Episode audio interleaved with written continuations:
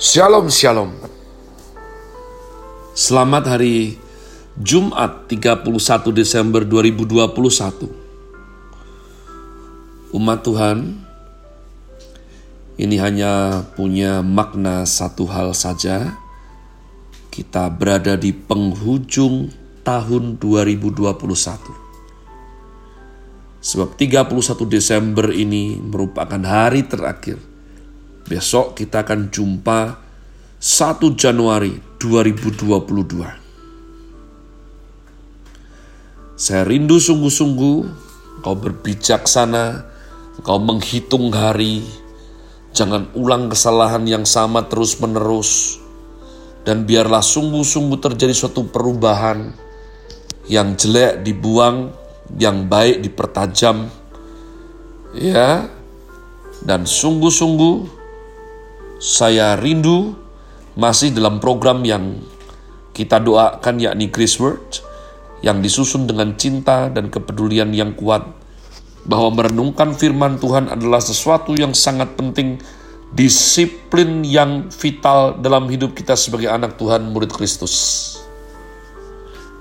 Kita masih berada dalam hari terakhir season winter dengan tema legacy. Maksud saya hari terakhir untuk tema legacy, ya.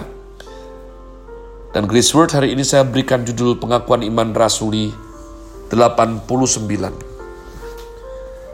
Pengakuan iman rasuli 89, mari bergegas kita membuka yakni warisan iman daripada Rasul Rasul Kristus secara langsung. Pengakuan iman rasuli. Aku percaya kepada Allah, Bapa yang Maha Kuasa, Khalik langit dan bumi. Aku percaya kepada Yesus Kristus anaknya yang tunggal Tuhan kita, yang dikandung dari roh kudus. Lahir dari anak darah Maria, yang menderita sengsara di bawah pemerintahan Pontius Pilatus, disalibkan mati dan dikuburkan, turun dalam kerajaan maut. Pada hari yang ketiga bangkit pula dari antara orang mati, naik ke sorga, duduk di sebelah kanan Allah Bapa yang Maha Kuasa.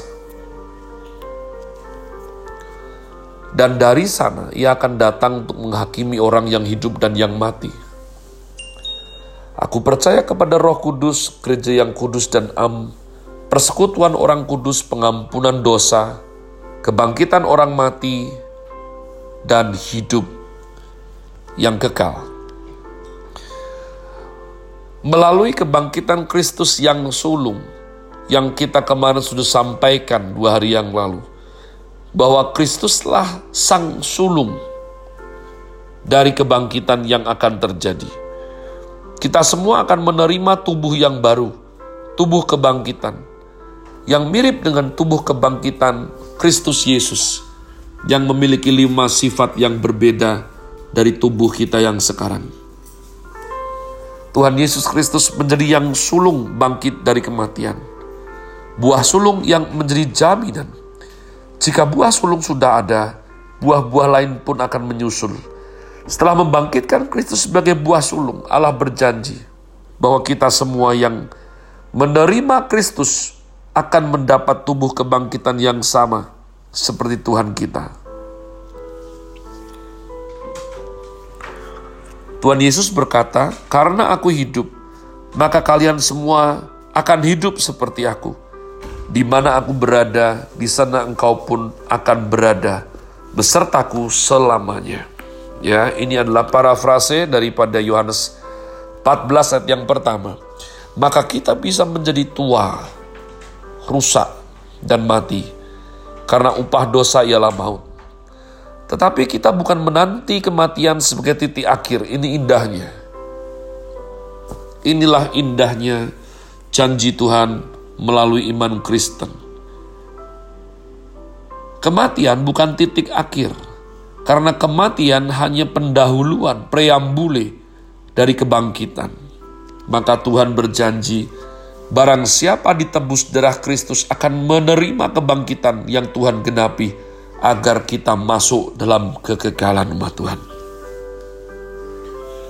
Dulu saya tidak gubris hal-hal seperti ini, tapi syukur kepada Allah. Oleh kasih karunia-Nya, dengan sabar saya rasa dituntun, diajari, dipimpin oleh roh yang suci untuk mengerti hal demikian. Hidup tidak hanya hari ini umat Tuhan. Hidup itu ada nilai kekekalannya. Sehingga ketika kita suatu hari nanti pulang ke rumah Bapak, kita tutup mata di muka bumi, kita buka mata di rumah Bapak. Telah kita bahas kemarin dengan cukup terperinci apa arti Tuhan Yesus masuk dalam kerajaan maut? Ya, ke dunia orang mati. Di dalam pengakuan iman rasuli terjemahan ini mempunyai banyak penafsiran. Maaf orang-orang Katolik dan Lutheran beranggapan bahwa ketika Tuhan Yesus turun ke dalam dunia orang mati, itu berarti ia sedang pergi ke pangkuan Abraham, yaitu tempat umat perjanjian lama yang hidup suci, saleh, beribadah sedang menantikan keselamatan. Menantikan keselamatan Kristus yang dijanjikan oleh para nabi. Ketika pergi ke sana, Tuhan Yesus mengumumkan bahwa apa yang mereka nantikan telah tergenapi. Nah, menurut ajaran Katolik dan Lutheran, Tuhan Yesus sudah mengumumkan dan mereka bersorak-sorai karena melihat apa yang mereka harapkan dan apa yang telah dijanjikan kepada mereka telah digenapi oleh Tuhan Yesus, yaitu pengharapan di mana seluruh kaum suci yang ada di tempat itu dipindahkan dari bawah ke atas. Hal ini sesuai dengan tafsiran mereka tentang Efesus pasal yang keempat. Jika Tuhan Yesus naik, bukankah berarti ia pernah turun? Jika sudah turun dan naik, bukankah berarti ia menawan kembali musuh, lalu membawa mereka ke sorga? Istilah menawan musuh diartikan menawan orang yang sudah pernah ditawan. Berarti kaum suci yang pernah dibelenggu kuasa maut akan ditawan kembali dan dibawa ke sorga. Ketika kita belajar firman dengan betul, maka adalah suatu tradisi yang baik mengartikan ayat ini demikian. Tuhan Yesus turun ke dalam kerajaan maut, berarti Tuhan Yesus telah menerima sengsara neraka, menggantikan kita menjadi korban yang diberikan bagi keselamatan. Tuhan Yesus menderita sengsara dan kematian dari kerajaan maut pada saat ia disalibkan. Kristus dipaku dari jam 9 hingga tiga jam kemudian pukul 12 ia berteriak-teriak Allahku, Allahku, kenapa engkau meninggalkan aku? Itulah sengsara neraka yang Kristus tanggung. Hukuman terdahsyat bagaikan dibuang ke neraka. Di situlah Kristus Yesus penanggung dosa dan penerima hukuman kita telah mengalami kutukan dan perpisahan paling menakutkan di atas kayu salib. Allah dengan berat menekan Kristus dan menaruh segala beban dosa umat manusia atas diri Kristus Yesus. Tuhan Yesus masuk dalam wilayah kematian, tetapi tidak masuk ke dalam wilayah maut. Di wilayah kematian, Tuhan Yesus dengan kuasa yang melampaui kuasa maut bergulat dengan iblis, sang penguasa maut.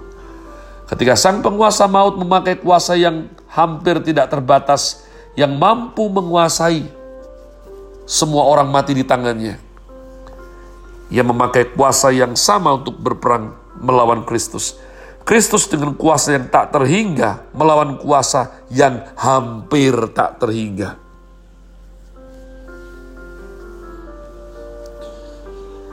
Akhirnya ia menaklukkan dan meremukkan iblis sang penguasa maut. Oleh karena itu, setelahnya Tuhan Yesus dapat membebaskan semua orang berada di dalam kuasa iblis dan membawa mereka kepada Allah, Bapaknya, sebagai karya mulia keselamatan Kristus yang menyenangkan dan mempermuliakan nama Allah. Umat Tuhan, tidak ada orang seperti Kristus. Tidak ada guru agama, pencetus agama seperti beliau. Tidak ada. Saya berdoa, Hari ini adalah hari yang istimewa. Saya berdoa sungguh supaya engkau mengucap syukur. Betapa indahnya kita ini ditebus dan diangkat anak oleh Raja di atas segala Raja. Berikhtiarlah, bertekadlah untuk mempersiapkan tahun baru dengan bagus.